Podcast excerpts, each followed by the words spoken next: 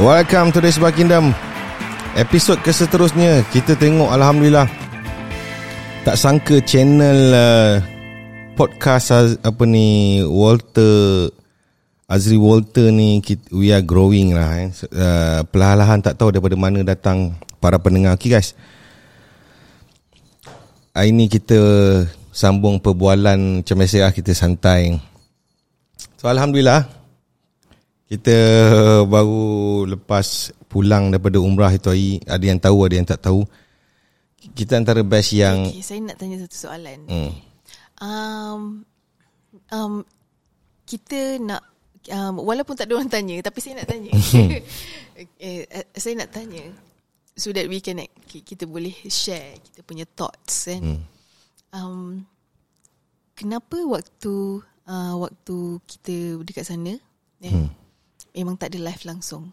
Okay, cuba cuba you explain. I I know I already know the answer because kita dah plan sebelum pergi kan yang kita tak nak apa attach to any media social while there Hmm. while being there. Jadi tapi orang tak tahu. And then um so um sebab sebab kita di apa kita di di apa di fit dengan orang yang apa masyarakat yang suka live di mana saja kan. Hmm. Ah, so so maybe boleh sh- share sedikit thoughts. Kenapa? Yang pertama kita buang dunia untuk sementara tu. hmm, Yang pertama Kalau kita tengok Contoh dalam 300, setahun 365 hari So why not Bila kita pergi beribadah tu Kan kita fokus 200% on the ibadah itu. Jadi sebab tu saya tak ada tak ada buat content uh, tak ada buat live kan? Sebab mungkin kebiasaan orang lain bila dia pergi sana dia buatlah ada, macam-macam lah orang niat masing-masing kan? Saya tak cakap salah pun. Ada orang tujuan dia buat tu supaya bagi exposure kepada orang lain supaya orang lain pun rasa nak datang kan? Ha, tapi saya ambil pendekatan kerja tu orang lain dah buat. Jadi saya punya fo- forte fokus develop ataupun berkongsi tentang apa ni pengetahuan dalam dunia bisnes, motivasi, kehidupan dan sebagainya di media sosial. Jadi bila pergi tu saya memang fokus lah untuk beribadah dan alhamdulillah segala urusan dipermudahkan. So apa okay, soalan untuk Mrs. Walter pula. Tapi saya tak tahulah kenapa dalam uh, Spotify ni semua ada ramai peminat-peminat Mrs. Walter because of the Walaupun uh, walaupun tapi ini something uh, apa yang kita boleh jadikan apa satu batu loncatan lah. Inspirasi untuk para wanita dan para suami kat luar sana. Yang mana tak semestinya seorang wanita tu kita dah berbuih dah cakap pasal benda ni kan. Tak semestinya seorang wanita tu boleh uh, perlu asyik ke depan nak nak, cit- nak tunjuk wajah dia kan. Uh, apa kejap-kejap selfie. Yang terbaru pula ada pula apa ni unboxing apa benda pening lah. Jadi satu inspirasi.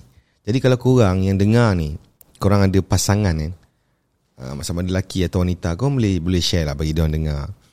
Kan, sepatutnya wanita tu, saya bukanlah angkat Mrs. Walter bagi terapung, tapi wanita tu sepatutnya yang dia punya dia kena growth adalah dia punya panggil apa?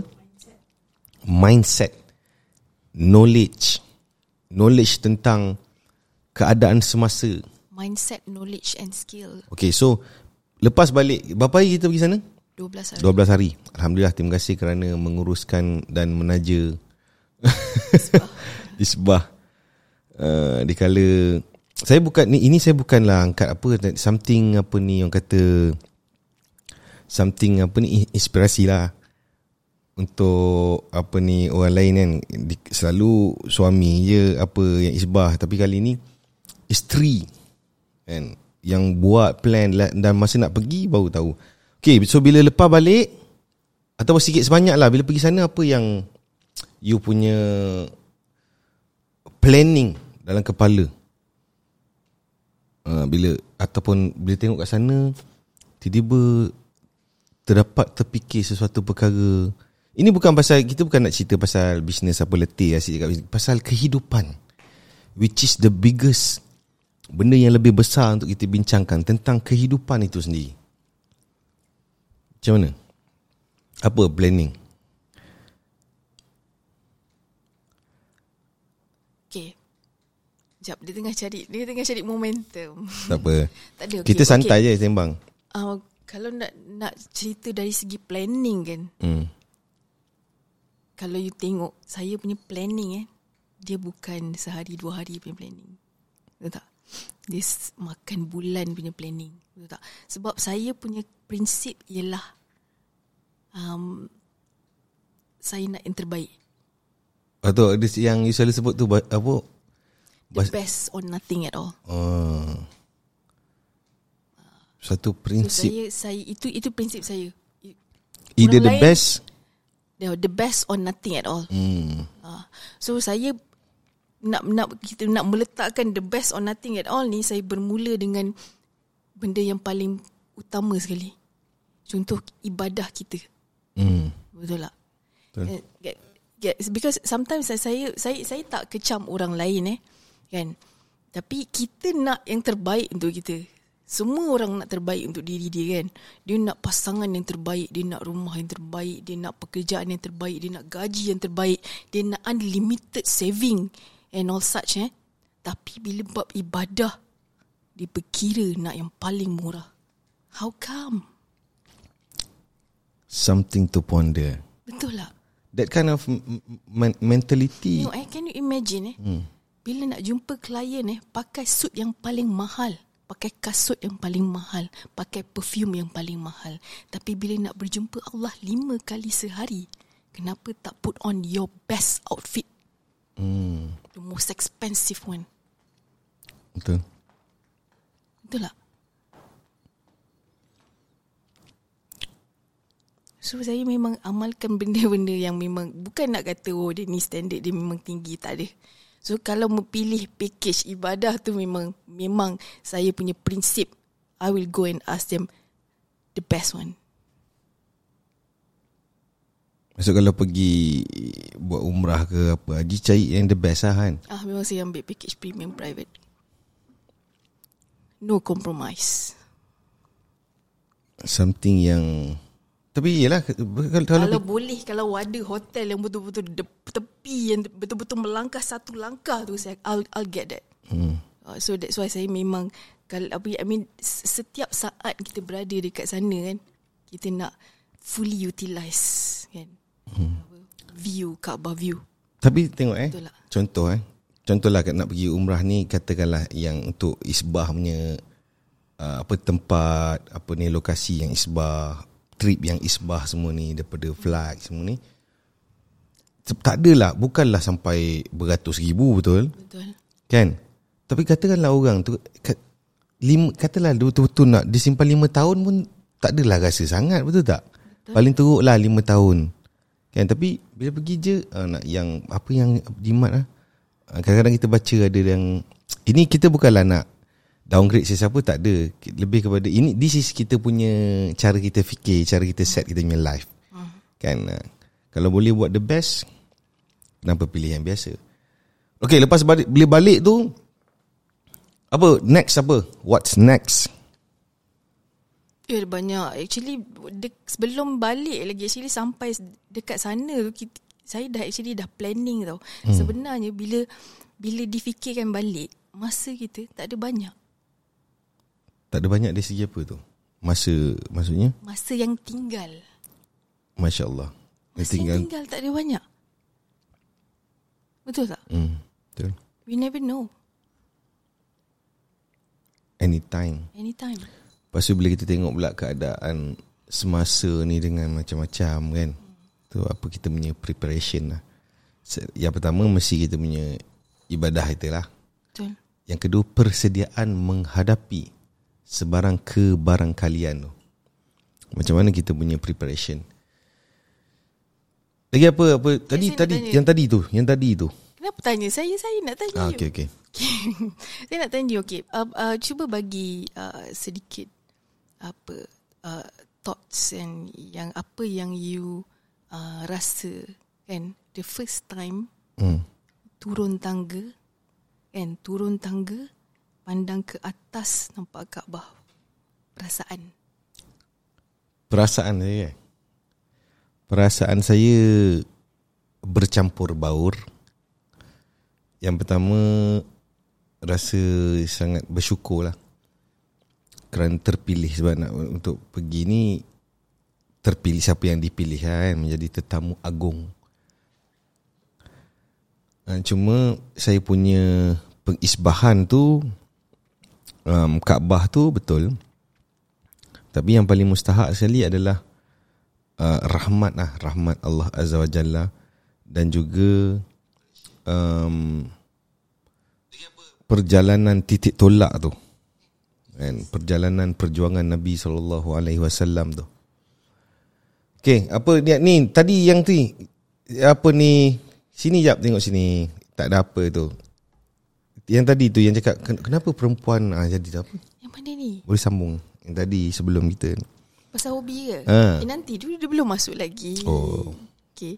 Um, um, dia actually uh, selepas balik tu kan, apabila saya terfikir dan dan tersedar sebenarnya kita semua tak ada banyak masa. Hmm. Betul tak? Kita kita kita tak tahu sampai bila um, apa kita dipinjamkan segala nikmat yang ada sekarang ni. Hmm. Okay. so um, bila sebelum balik tu sebenarnya saya dah planning. Balik ni saya dah susun semua jadual kan. Nak start bila nak start uh, belajar bahasa Arab, bila nak start bela- belajar berkuda dan bila nak susun masa untuk hiking balik menikmati alam semula jadi. And then apa lagi? Nak banyak lagi lah planning-planning and then kita saya dah balik melangkah saja kan. Sebelum habis quarantine saya dah tempah saya punya busur, busur panah Huh. and uh, custom made nama sendiri sap sap sap sap Sit, cut cut cut then um, apa banyak lagi lah perkara-perkara yang yang yang saya buat yang saya buat apa ni um, apa sebelum sampai pun balik ke ke ke Malaysia and sebenarnya bila saya fikir balik kan kalau ada orang tu dia merasakan hidup dia bosan, tak ada benda nak buat, dia rasa hidup dia boring, tak tak happy. Sebenarnya kan bukan salah kehidupan tu. Hmm. Dia sendiri yang boring. Dia sendiri tak ada apa benda dia rasa dia yang yang best dalam hidup dia. Kalau nak diikutkan dalam dunia ni kan, selagi kita tak tutup mata, selagi tu ada terlalu banyak ilmu untuk kita explore. Hmm. Takkan mungkin cukup kita punya umur nak belajar semua perkara yang ada. Tapi itu pun oh, ada Saya nak tanya. Ha. Okey, saya nak tanya. Semua perempuan lah kalau yang dengar ni kan. Kan? Sebelum korang fikir nak belajar berkuda ataupun apa, belajar memanah dan sebagainya kan. Berapa ramai perempuan dalam ni yang boleh memandu kereta. Hmm. Betul tak? Betul tak? Penting ke buat kereta paling basic wanita? sekali. Sangat penting. Zaman sekarang sangat penting. Sekarang eh. Yes. Sebab apa apa hujah eh? Sebab apa wanita penting nak buat kereta?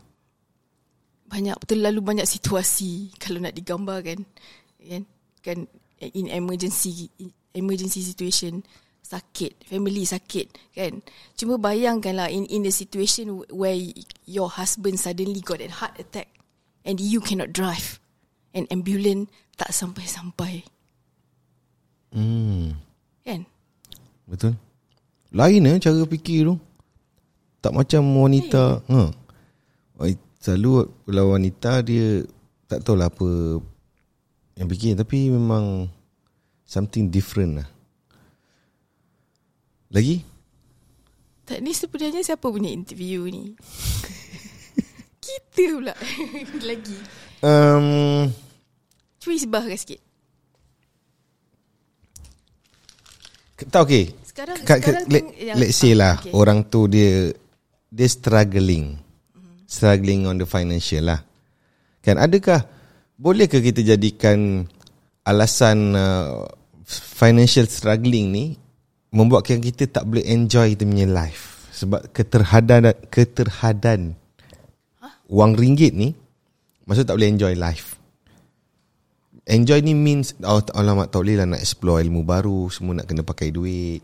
Saya pula tengah susah. Ha. Apa pandangan?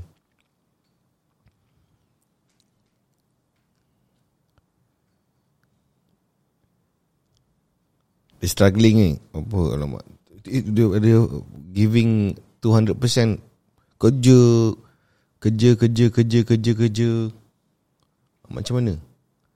Adakah orang yang financial dah okay baru dia boleh start explore ilmu lain ataupun daripada sekarang daripada, okay macam you Saya you, pernah Saya pernah Masa ada sehari Satu hari tu saya jogging kan Hmm. Jogging pagi kan Kan Lepas tu saya terserempak Dengan seorang Seorang perempuan eh Seorang wanita ni Hmm.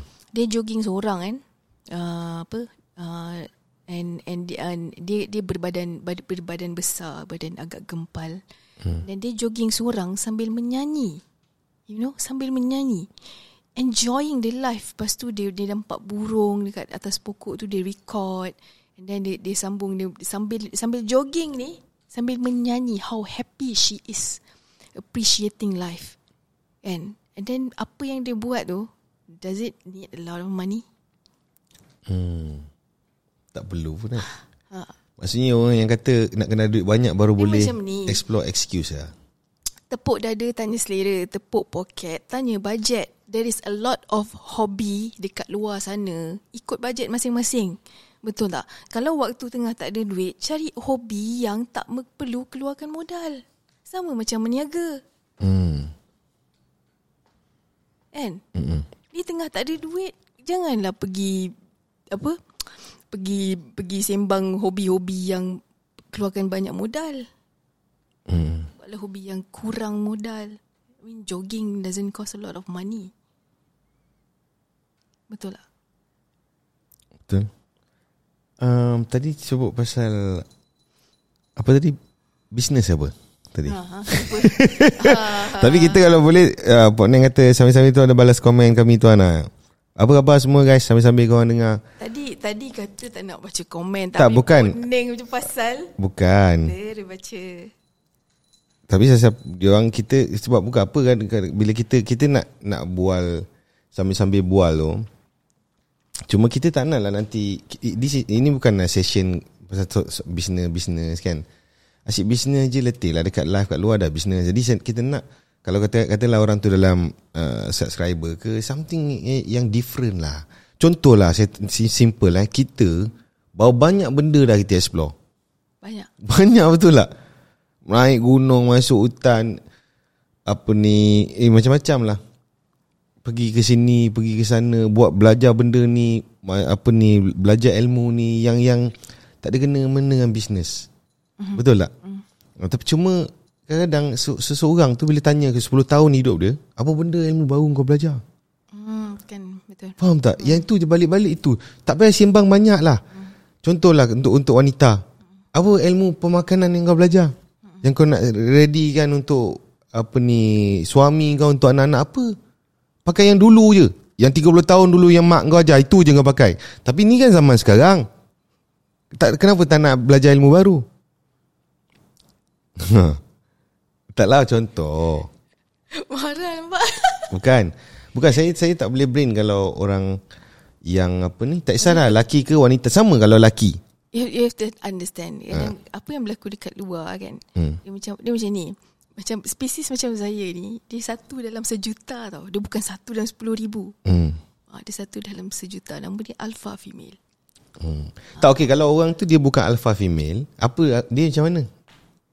Habis dia maksudnya dia macam mana apa nasib dia? Dia 99%. Dia, dia boleh wah tak jadi top 1%? As a 1%, I cannot change 99%.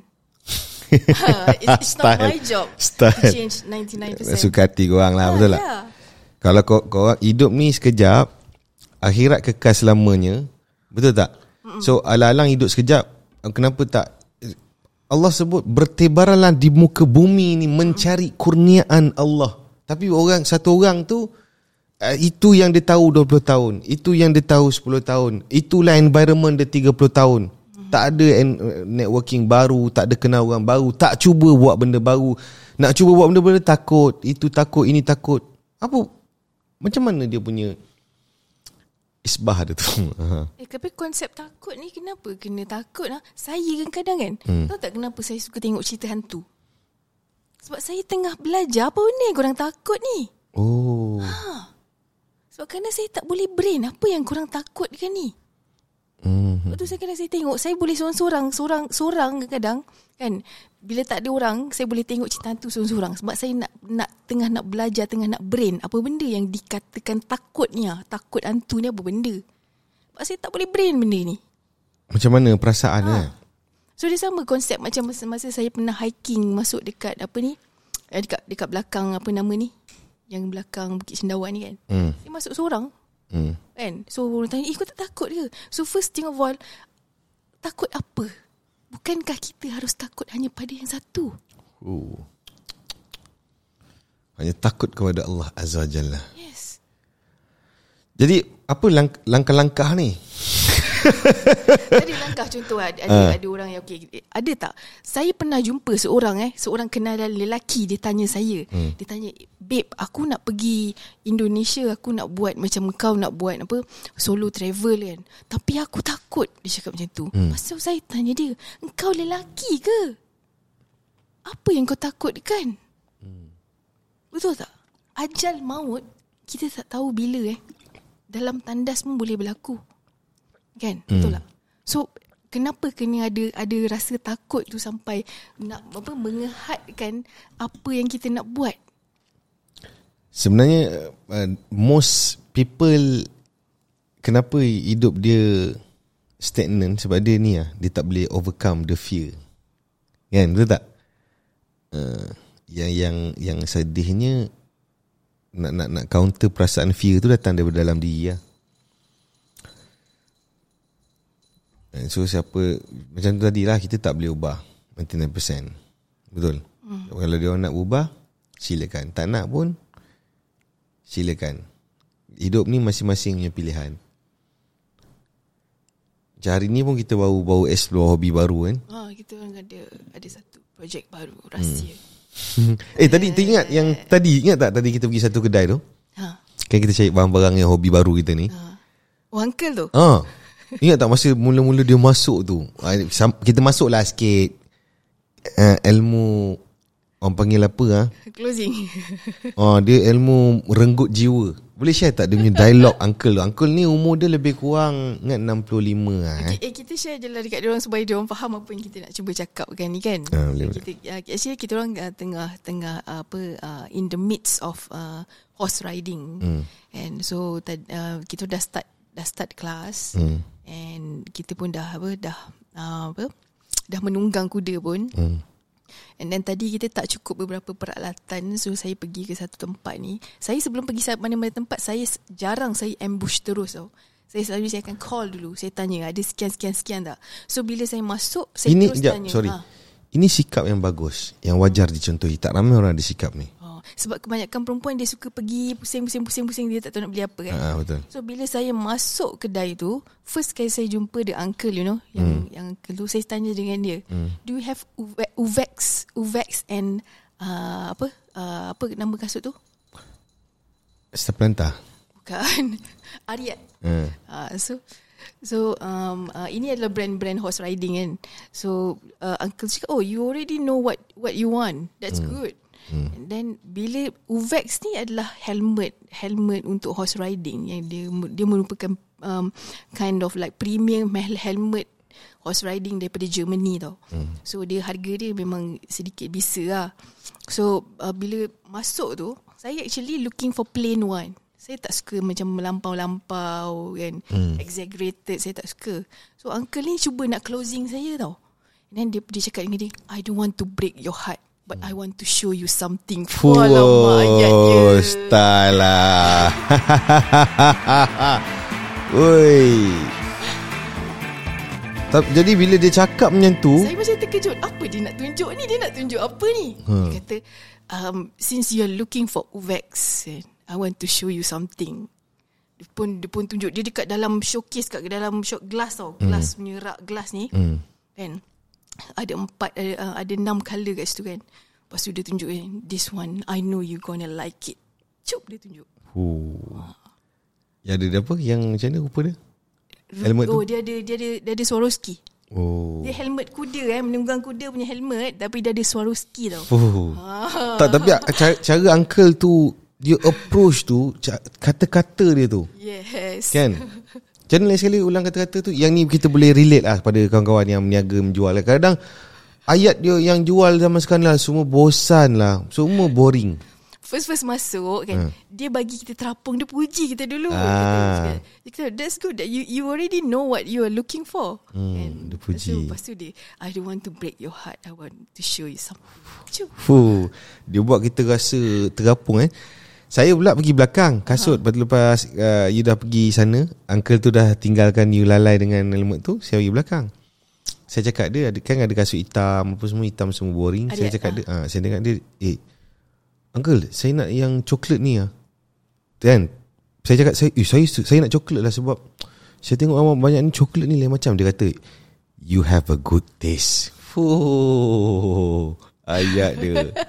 Kan? Maksud dia Kira dia setuju lah Dia setuju Dia kata You have a good taste Dia kata Faham tak? Rupanya itu yang paling mahal sekali Pandai dia uncle tu Ha, dia memang dia memang pandai dia memang pandai ber, ni ber, bermadah. Hmm. Jadi maksudnya kalau contoh kenapa uncle ni power? Sebab umur dia 65 dah. Ha. Jadi untuk kawan-kawan kata para pendengar kan simple je. Itu adalah satu takrifan kalau korang menjual sampai tua kau mesti andal macam uncle tu.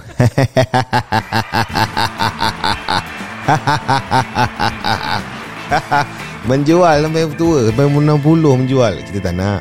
You nak ke duk you nak You nak ke umur Sampai umur Yelah sekarang umur berapa? 60. I'm Tak. 30 plus I'm already retired. Tak macam tu Kadang eh, kita tengok kita tengok lah sebab semua benda yang berlaku di dalam kehidupan ni menjadi pelajaran sama ada pelajaran yang orang ajar ataupun kita tengok sendiri. Kan bila kita pergi sana saya simple je uncle tadi saya tengok prap bagus skill dia apa semua dia belajar satu benda saya belajar saya tak nak jadi macam uncle ni. Saya tak nak at the age of 65 macam tu 60 masih kena buat teknik-teknik yang merenggut jiwa saya tak nak. Kan? Uh, kalau korang nak jual sampai tua Korang jual lah. Korang punya pasal lah. Saya nak Nak enjoy this life lah. Banyak benda. Eh banyak benda lah. Boleh, eh, Betul lah Belajar Apa Bawa kuda Belajar. Saya sampai kalau dah habis dah, Haiwan apa Sampai burung pun saya, saya nak bawa. Burung elang.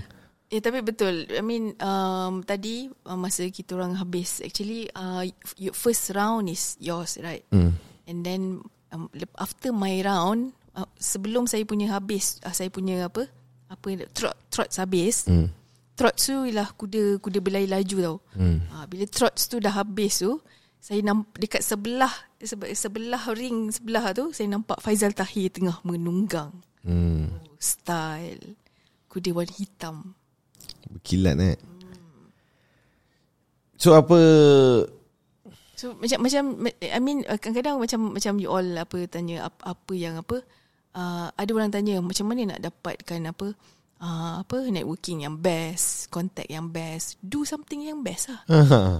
Buat benda lain lah. Macam so, so, so, so, soalan. Tuan jadi nak cari networking? Kau kawan kau siapa? Uh, Saya kawan-kawan sini Yang sekolah tadi Kalau kepala bana networking Apa benda. Go out there Mingle around Kan? Berkawan dengan orang Carilah seribu satu cara Pergi Tukar environment. Saya Itu hari Yang ada kan? Kita ada jumpa seorang Saya ada jumpa seorang Salah seorang daripada Kawan-kawan kat Isbah Kingdom ni Kan Something yang saya Respect dengan dia Dia ni um, dah dah berkeluarga, anak dia empat orang kecil-kecil. So, dia ni ada bisnes dia lah. And, uh, cuma saya saya cakap lah kat dia, saya uh, ada ada ada dia tanya saya uh, tentang apa peluang-peluang. Saya cakap dia saya malah nak, nak cakap tapi kalau nak peluang saya ada peluang nak buat satu bisnes ni kan. Dah cuma saya cakap dia tuan kena hijrah datang KL lah. Dia kata bila?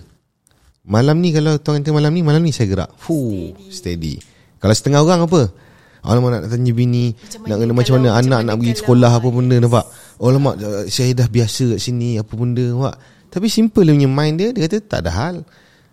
Family ke apa Biar dia settle down. Saya tak ada Saya gerak lah This is my Ini saya punya tanggungjawab. Tugas saya sebagai anak jantan. Betul tak? To develop the economy of the family I will do whatever it takes. Dah over dia? Dah. Dah over? Dah. Uh, So dalam minggu ni dia datang lah. Datang Ijrah Itu baru betul. Bayangkan Seorang lelaki Ada anak empat orang kecil-kecil sekolah. Saya cakap macam tu Sekelip mata dia kata Anytime dia boleh datang. Tapi ada budak muda Yang PM kadang-kadang tanya Ada peluang tak? Dia kata Ada buat dekat Negeri sekian-sekian tak? Ada bu- ada tak buat peluang buka peluang depan rumah saya? Sama lah macam ni esok lah kita buat hari kantin pun kan. Hmm. uh, tuan kenapa tak buat sini? Kepala otak lu siapa? Gua nak buat kenapa gua nak ikut lu punya tempat? Lu siapa. Betul. this is my event. This is my networking. Kau nak networking kau nak datang sini. Saya dulu you macam mana kalau dulu macam contoh nak cari satu peluang you you go and chase it ataupun tunggu orang tu ketuk kita datang saya tak ada saya dulu memang saya saya cari sibuk ada pengalaman tak macam Oh yang ni boleh cerita yang tu Oh yang pasal saya pernah sponsor ni Siapa Sheila Rusli punya production dulu Ha. Nak cerita, nak cerita tak? Boleh cerita Okay, masa tu saya belum duduk lagi di negeri Pasir Berdengung ni eh. hmm. Masa tu saya duduk di sebuah negeri Hmm. kan di apa uh, Pasir Berbuih. Hmm. Okay. Okay, waktu tu perjalanan saya daripada Pasir Berbuih ke Pasir Berdengung ambil masa sekitar 4 hingga 5 jam. Hmm. Okay. So apabila saya dapat offer tu, okay, satu hari tu kan um, uh, production uh, yang yang first yang contact saya bukan dia punya production, Sheila Ru- Rusli herself. Hmm. Dia cakap okay, sekian sekian sekian, sekian boleh tak ni gini gini gini. Okey, masa dia cakap tu saya saya tak fikir pun macam mana saya nak pergi nak pergi uruskan semua ni eh. Hmm. Kan dengan saya terus cakap saya terus deal on the spot. Pada masa tu nak on the way nak balik rumah lah Ah yes. Nak balik negeri way, sana balik tu. Negeri Pasir Berbuih. Yang dia ni dekat negeri belakang Pasir Berdengung. Yes. Tengah-tengah jalan tu Yes. Dia kata boleh Terus cakap okey Yes. Boleh Ah. Bila Yes. Terus patah balik Tak tak saya tak patah balik Oh. sebab dia kata okey uh, uh, esok pagi. ha. So saya balik lah dulu Pasir Berbuih. Saya balik dulu. Lepas tu malam saya saya, saya sampai pukul 9 malam, saya balik uh, apa? Balik uh, mandi semua tidur. Esok pagi lepas subuh saya gerak balik ke negeri Pasir Berdengung. Hmm. 5 jam perjalanan. And then while while the the production of of the project tu kan saya dia tidak tahu yang saya duduk dekat negeri Pasir Berbuih. ha. Ha. Maksud kita always Say yes dulu Yes. Fikir Figure out later Yes, exactly. Ingat tak satu Kita pernah uh, Sebab saya tak nak kalau dia tahu kan, kalau dia tahu saya tak nak nanti dia rasa macam serba salah offering me. hmm, Nanti dia dia akan rasa macam better cari someone yang near lah, nearby. Faham tak? So saya tak nak. I want that, that offer, I grab it on the spot. So macam mana belakang tu tunggang terbalik, I settle myself. Ah, macam tu. Ingat tak saya pernah uh, Booking satu tempat Makan ni Ha. Tempat yang isbah ni Ha.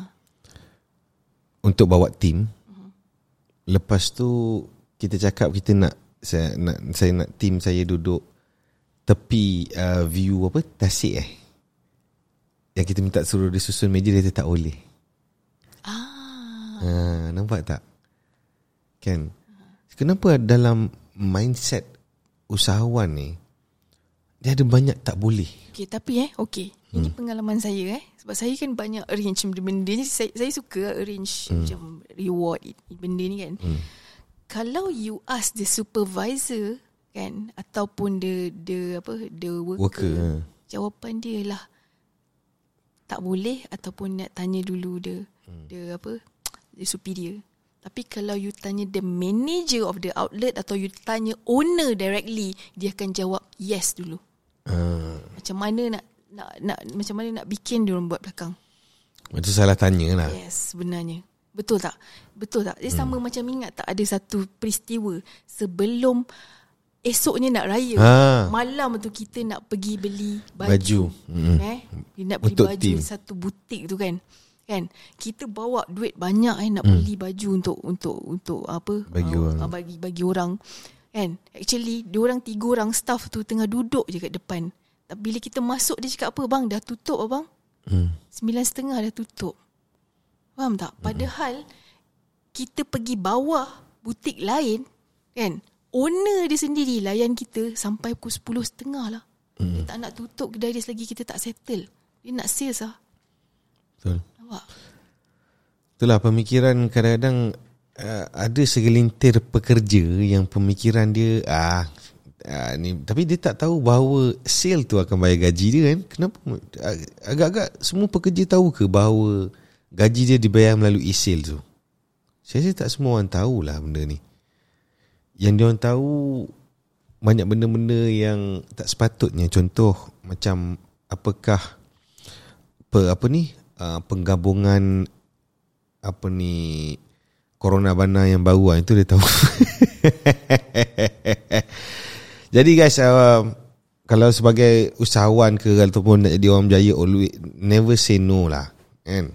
Always say yes dulu. Saya pun sama. Saya uh, dulu ni saya nak saya pernah cerita lah benda ni. Satu hari tu zaman saya kerja kerajaan jawatan pembantu takbir grade N17. Saya ada satu bos ni. Bos ni dia ni baru pindah rumah lah. And jadi rumah lama dia tu masih ada barang. Jadi dekat uh, dekat uh, kawasan office tu ada aquarium. Kan jadi dia nak masukkanlah ikan, ikan yang kat rumah dia, ikan arwana bana. Jadi dia panggil saya, dia kata, "Tu, senyap. Uh, ni kunci rumah aku. Kau tahu rumah aku kan?" Saya memang tahu rumah dia. "Okey, kau pergi rumah aku, kau nampak aquarium tu, nampak? Kau pergi ambil ikan arwana kat rumah tu, lepas tu kau bawa letak dalam ni. Baik-baik tau jangan mati, mahal ikan tu." Faham tak? Saya tak pernah ada pengalaman bawa alihkan ikan. Yang kedua itu bukan saya punya kerja. Yang ketiga memang tak tahu cara nak buat macam mana saya cakap baik bos. Bila lepas tu saya fikir lah separuh matilah fikir macam mana cara sibu satu cara. Lepas tu dah siap saya hantar gambar. Lepas tu bos settle. Ha. Nampak? Itu orang style dengan orang yang tak berapa style dia lain. Okay, dan Alhamdulillah sekarang ni bos saya tu dia masih bos dekat uh, office lama. Saya juga bos. Lagi apa perkara untuk Eh, kita Cok, bincang? Ha. Cok eh. Kita punya subscriber ni actually um, ramai dah give up juga eh. Ha, dia orang apa. Kita, Sebab- sebab, sebab kita memang nak, nak Lain, sini siapa, lain. Kita memang tengok siapa yang give up dulu. betul. Si, si, sebenarnya kalau dia orang tahu, kalau dia orang pergilah tempat-tempat lain, sini lain. Kita kita benda-benda yang kita cerita ni tak ramai orang orang cakap. Kan kat luar lah tak habis-habis benda tu lah marketing, sale, marketing, buat sale macam mana. Kan benda-benda yang semua orang boleh tapi benda-benda pemikiran, cara menguruskan hidup sampai kita pernah sharing teknologi tidur, teknologi makanan.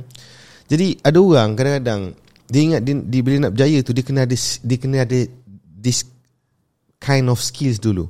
Skill marketing, skill uh, iklan, skill sales. Tapi sebenarnya kepala otak dia tak pernah berubah. Hmm. Mind dia ni, cara dia berfikir. Bagaimana dia melihat satu benda, satu situasi. Adakah dia melihat daripada sudut yang satu sudut ataupun dia melihat daripada pelbagai dimensi yang berbeza. Yang ni tak ramai orang nak. Saya nak bagi satu cerita eh. Ha. Okay. Sonok ni saya Ada, cerita ada, ni ada, sonok. ada seorang ni kan. Ha. Dia ni um, dia kata dia banyak kali pergi kelas. Dia kata dia dah habis 20 ribu lebih kan. Hmm. Um, and then dia pernah dia and then satu hari tu saya jumpa dia uh, dekat satu satu kelas lah Hmm. yang dirahsiakan. And then bila dia tengok saya punya saya punya background semua dia macam terisbah tau. Lepas tu after the uh, after the class tu dia cari saya tau. Dia cari saya dekat Facebook. Dia dia nak dia nak uh, dia nak tanya apa pendapat uh, kan apa nak buat tentang uh, bisnes dia. Dia kata tak grow dia then dia dah buat macam-macam. Dia dah pergi kelas sana, pergi kelas sini kan. So satu hari tu saya macam kesian tau. And then sebab dia makin makin lama makin banyak duit habis. Faham tak? Hmm. uh, masuk kelas ni, masuk kelas tu, buat ni, buat tu, buat ni, buat tu kan. And then in the end tak tak jadi apa. Hmm. So saya macam kesian apa actually problem dia ni kan. Lepas tu satu hari tu um, saya cakap um, uh, saya saya ada dekat sini kan tengah apa tengah uh, lepak kejap tunggu someone dekat satu dekat satu kedai kopi ni. Lepas tu tiba-tiba dia datang tau. Okay. Um, lepas tu dia datang tu dia tanya lah macam mana gini gini. So, so saya just just bagi advice on apa yang saya tahu sajalah. Lepas tu uh, uh, apa apa ni and then uh, dia dia pun apa ada ada order order coffee semua kan. Hmm. Then saya tanya dia oh, nak order makan ke apa kan. Dah lunch ke belum makan lah. Hmm. So lunch lah sekali kan. Hmm. Uh, so lunch lah sekali makan apa semua kan. Okay. Dah habis ni. Dah habis ni. Hmm. dah habis ni. Sampailah. Dah habis tu. Dia kata okay. Uh, saya, saya cakap saya pun saya pun nak gerak ni sebab saya ada nak jumpa orang lain kan. Hmm. Lepas tu saya panggil lah waiter. Sub panggil waiter tu. Bawa cakap bills. So bila bills datang kan So okay Sebab untuk orang yang Bila kau dah tanya Macam macam Ini skill tau Skill Bila kau dah tanya Macam-macam ilmu Apa benda ni semua kan Waktu Waiter datang Yang kau dah 30 minit Perah ilmu daripada Someone For free Lu bayar lah Tahu tak Dia buat macam Buat macam tak tahu Oh So I pay for it So I got an answer. Kenapa dia ni tak grow? Faham tak? Faham. Dapat tak? Dapat. Ya. Yeah. Simple. Benda sekecil tu pun lu tak boleh tak boleh nak apa nak nak react. Betul tak? Ini kan benda-benda lebih besar. Sama macam konsep-konsep yang orang suka benda-benda free. Ini mindset, mentality free dengan subsidi ni loser punya mindset. Um, tak sikit-sikit nak subsidi no tolong sikit-sikit nak free free. Saya tahu tak baru-baru ni saya punya team college kan ada buat ads kan, uh, buat marketing. Tiba-tiba terlalu lah dekat saya. Saya nak tengok lah sajalah tengok komen. Ada orang tu dia komen menggigil saya, saya rasa. Saya rasa menggigil tergapung. dia kata, kelas ni free ke? Astaghfirullahalazim macam mana dia boleh kepala otak dia tu macam mana dia boleh terfikir bahawa free ya macam mana ya wish pening ah tengok eh ya Allah tak tahulah sini. Eh, kalau kita tak tak sanggup spend something kan jangan berharap kita akan dapat sesuatu. Simple lah. Sama nak spend energy ke Spend duit ke Spend apa-apalah Berkorban sesuatu ke Kan jangan haraplah kita akan Sukses untuk dapat sesuatu. Simple lah. Ini mindset lah. Sikap uh. Ada pernah tak jumpa orang yang dia dia complaining um, apa dia punya circle tak best uh, networking dia susah nak cari networking yang bagus hmm. nak cari klien yang apa high end yang potential kan hmm. uh, sukar untuk untuk untuk cari apa database yang padu you know dan sebenarnya jawapan tu ada pada diri dia hmm. tak untuk dap untuk dapatkan benda-benda ni kan dia kena ada apa orang cakap kena ada pengorbanan pengorbanan dari segi you have to spend first hmm Faham tak? Contoh, misal kata eh, kita okey, misal kata um um misal kata Ali, Ali uh, ada, ada kenal seorang uh, apa ni? Uh, ada seorang kenal seorang ni, dia ni ada kawan kepada dia ni contoh kan. Hmm. Dan dan mereka ni sangat sangat apa? Sangat potential, potential client. Hmm. And then um um Ali pun cakap eh uh, nak jumpa apa dia tak nak jumpa kan. Siapa nak jumpa? Siapa? Lu siapa, bro? Ha.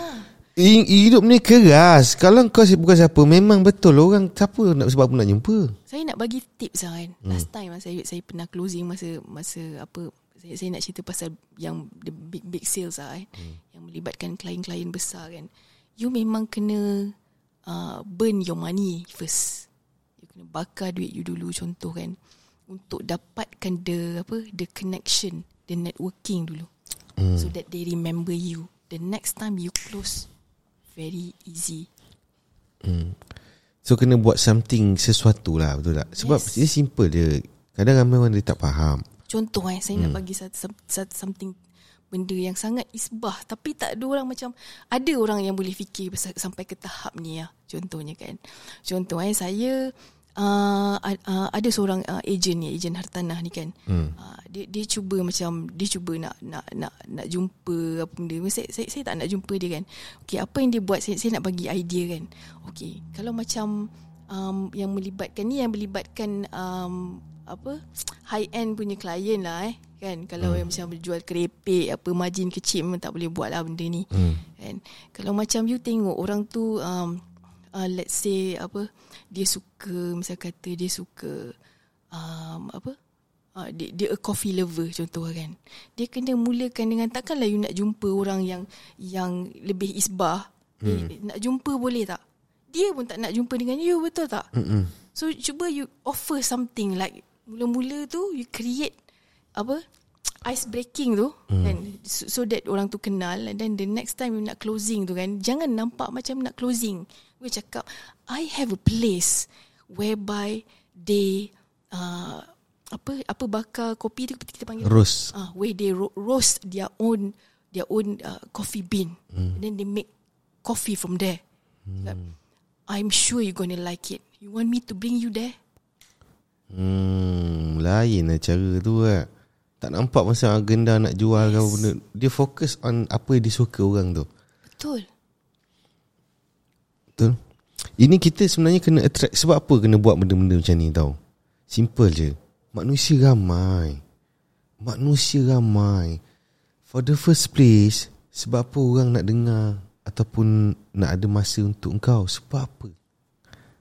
Faham tak? Jadi, jadi Sebab tu saya kadang-kadang Hmm. tak boleh brain bila ada orang nak jumpa you. Hmm. Nak jumpa, nak jumpa, jumpa. jumpa kosong. hmm, Faham tak? Betul? Dah lah jumpa kosong in the end you pay for it. Hmm, Pay, you pay for the coffee. Uh, uh. Pernah tak berlaku? Banyak kali kan? But, uh, Sekejap Pok Neng tu dia bayar ke saya bayar Tapi tak ada hal pun Kita tak ada hal pun bayar Cuma Ini kita namakan adab Sebenarnya ni adab tau Dalam masyarakat Melayu kita Benda ni dididik daripada kecil dah sebenarnya Bila kita jumpa orang lagi dewasa Kita kita Contohlah kita kita menyantuni mak, mak ayah kita Betul? Jumpa guru-guru, cikgu-cikgu kita Lain. Kita lah yang yang apa ni spend sesuatu. Kan? Ini dah yang yang tontong tu ada? Yang uh, kongsi share tu siapa? Yang mana ni? ada yang seorang kata yang dia nak jumpa kat dia ada problem apa dia kata nak Oh, share share ada, boleh ada, ada, ada. share share boleh sebab sekarang ni saya tengah tak okey Ah, kelakar. dia nak jumpa, dia nak jumpa saya. Dia nak minta advice macam mana you boleh financial freedom at the age of uh, this kan. Dengan dia pun masih struggling kan. Dia cakap and then dia kata bagilah tips, bagilah tips apa benda semua kan nak, dia nak tanya. Hmm. Then saya cakap Jom lah Saya cakap dengan dia Jom lah kita Apa ni uh, Coffee lah kan Sebab Kalau nak bercakap Nak tulis ni Saya tak Tak kuat Nak type panjang-panjang betul hmm. nak PM-PM ni apa benda semua kan. So bila saya cakap macam tu dia, dia cakap apa? Alamak kalau nak bayar kopi uh, apa tong-tong boleh tak? Tong-tong tu Aduh. share-share lah. ha, ha. Saya kopi pun nak share-share. tak betul contoh kalau orang tu struggle But, uh, yeah, but ya, yang nak share ni bukan mak, bukan makan gajah gajah mungkin 30 ribu ini kopi kopi berapa mahal boleh pergi? Berapa mahal? 100 pun tak sampai lah kopi. Betul tak? Oh, contoh orang oh, saya tengah struggle. Kau struggle tak sekarang ni struggle. Kita bukan nak makan zirapah. Betul tak? Kalau zirapah mungkin mahal. Fikir logik lah. Ha, struggle macam mana? Berapa struggle tu? Ha, itulah ni Letih lah benda-benda macam ni. Eh tak apa tinggalkan mereka dalam kegelapan ni. Tak apa okay Ini simple je. Manfaat. Okay Sesimpel je. Siapa rasa Dia rasa nak ada Yelah dia pun tengah Tak ada apa buat chill. So Dia nak dengar. Eh, tak, saya, saya ada lagi satu satu benda kelakar kan. ha, Ada orang yang yang dia nak propose investment. Ha, kan? Dia propose so saya, saya pernah ada uh, sekali tu saya lepak dekat Hartamas uh, um, ada satu ada satu restoran masa tu tapi tak sure ada lagi ke tak restoran tu kan? Restoran- restoran tu dia punya uh, semangkuk tom yum RM90 hmm. Memang sembah lah harga hmm. kat situ kan? So saya tengah lepak kat situ Satu hari dia call saya Dia kata dia ada nearby Dia, dia pergi dekat uh, KDN Jalan Duta sana kan? So dia kata Boleh tak? Dia kata nak jumpa sekejap. Ada something nak propose. Ha. So cakap saya tengah makan ni Dekat kedai sekian-sekian-sekian kan? Datang lah kan Lepas tu dia uh, Apa uh, dia, dia datang lah kan um, Dia datang tu Dia propose investment tau Hmm. Dia postpone investment apa semua kan. Lepas tu sambil tu um, saya ni lah ni, ni kes yang sama lebih kurang macam case tadi tapi orang yang berlainan. Hmm. Ha, then I mean kau propose investment, kau cakap pasal juta-juta semua kan. Tapi kau tengok tom yam harga RM90 pun kau terkedu. Hmm. Faham tak? Mm-hmm. Kan? So bila bila masa nak bayar tu, masa tu saya actually masa tu memang saya nak bayar pun sebab saya yang makan. Mm. Dan dia tak makan. So masa tu saya saya tengok wajah dia dah hampir kebiruan. Wallah. Sebab dia takut dia yang kena bayar. Hmm, Faham hmm, tak? hmm, faham, faham. Saya boleh bayang tu. Ha, dia tengah propose gitu gini, Oh, begitu oh. begini gini. Lepas tu dia kata dia lah dia buat this much, this much, begitu begini kan. So saya kata, oh you ke? Hmm. So saya teruskan lah saya makan Lepas tu saya makan banyak lah Tom yam Apa benda Ikan apa Sotong semua kan Hmm. Ah, So masa saya punya bill sampai tu Saya punya lunch masa tu Is 300 plus tau Hmm. Saya tengok muka dia biru Dia buat-buat pandang tempat lain Faham tak? Hmm. Saya Actually saya bukan suruh dia bayar pun Faham tak? Hmm. So Tapi actually eh, Kalau dia pandai kan Kalau dia bayar lunch saya masa tu Saya ambil lah investment plan dia Uh, Trik pun tak boleh fikir dia bukan pasal Oh budak ni bayar aku. Bukan. Ha, Dia punya tu Kita panggil apa? Tindakan dia tu. Yes. Nahu dia Dia punya Seni macam dia, ni, tu. If the investment plan work 100% like you said kan it, it it should work on you first. Ada seorang makcik tu ingat Dekat Dekat bus stand Oh, Dia jual, jual Penapis air tu. penapis air Makcik, ha, macam harga ni. beribu tu kan ha. Oh dia pasang penapis air apa saya tak ingat lah tapi dia pasang ke atap rumah Ni zaman dulu punya lah Ah, ha. ah, ah. Ya ya ya. Ha. Ada masa masa tu masa tu saya masa tu saya macam mana saya boleh ada dekat bus stop eh? Masuk uh, Eh, masa sekolah saya rendah lagi. Sekolah rendah ke? Sekolah rendah ha? Sekolah menengah Okey. Sekolah rendah lah Kau ni nak approach Masa tu saya sekolah menengah hmm. um, um, Umur 17-18 lah Tapi dah nampak macam dewasa kan So dia ingat saya, saya nak pergi kerja So makcik ni Approach lah. Ini gini gini Ni kena beli ni. Beli untuk untuk mak bapak bagus ni kan. Harga seribu lebih dia kata. Hmm. Lepas tu bagus ni gini Bagus bagus bagus. Nak dekat 80 kali dia cakap bagus. Lepas tu saya masa tu ialah Walaupun masih muda Tapi akal saya Isbah kan. So hmm. saya cakap dengan dia Makcik dah pasang ke kat rumah makcik Hmm. Start lepas tu dia terus Dia terus blank tak boleh nak jawab hmm. Sebab dia sendiri tak pasang kat rumah dia. Aduh. Kalau betul bagus Kau pasanglah rumah kau dulu. Kata bagus. Aduh eh. Ap- Ah ni. Lagi satu. Ingat tak kita Beberapa minggu sudah Kan kita nak buka Satu office pelalai. Kan Lepas tu Saya minta lah you Tolong Sajalah tolong survey-survey kan You kan suka survey ni Lepas tu tanyalah satu property ni ha, Cuba share sikit Macam mana kaedah dia tu Orang tu Kaedah dia tu Dia memang silap lah Siapa? Oh ni Eh, ejen Bana tu. Ma'ruf Ma'ruf Ha. Tak kalau you Bahrom Saya Ma'ruf Oh, okey okey. Dia Ma'ruf tu ha. Apa dia cakap hari tu ah? Oh tak ada Tak dia cara dia layan tu.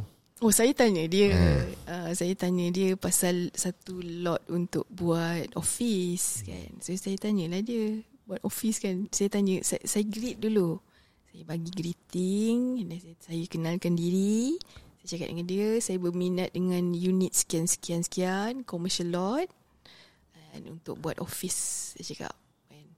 And then dia reply balik Dengan tak ada greeting Dengan tak ada kenalkan diri dan dua tanda soal Dia tanya soalan. Dia Tiga soalan Tanda soal. Dia tanya uh, Apa dia tanya eh? Buat office apa? Berapa orang Berapa orang staff? Apa lagi dia tanya? Berapa orang duduk? Ah, berapa orang staff Yelah berapa orang staff duduk. Lepas tu Tanya soalan macam Macam polis tau. Saya rasa polis lagi Lagi beradab sikit, ah. hmm. Lagi beradab saya rasa. Kan? Eh, uh, uh, Apa? Ada tiga soalan dia tanya Kan Dan Cara soalan dia tu kan Macam kita ni minta Nak nak Free. sewa free lah Hmm. Kita ba- nak bayar kot The rental Rental bukan 2-3 ringgit je Itulah jadi bila orang ramai nak buat part time jadi agent, nak buat sale part time. That's why Dia sambil-sambil kat office. Dia tengah ada kerja lain kan. Tu cucu pun nak jadi agent.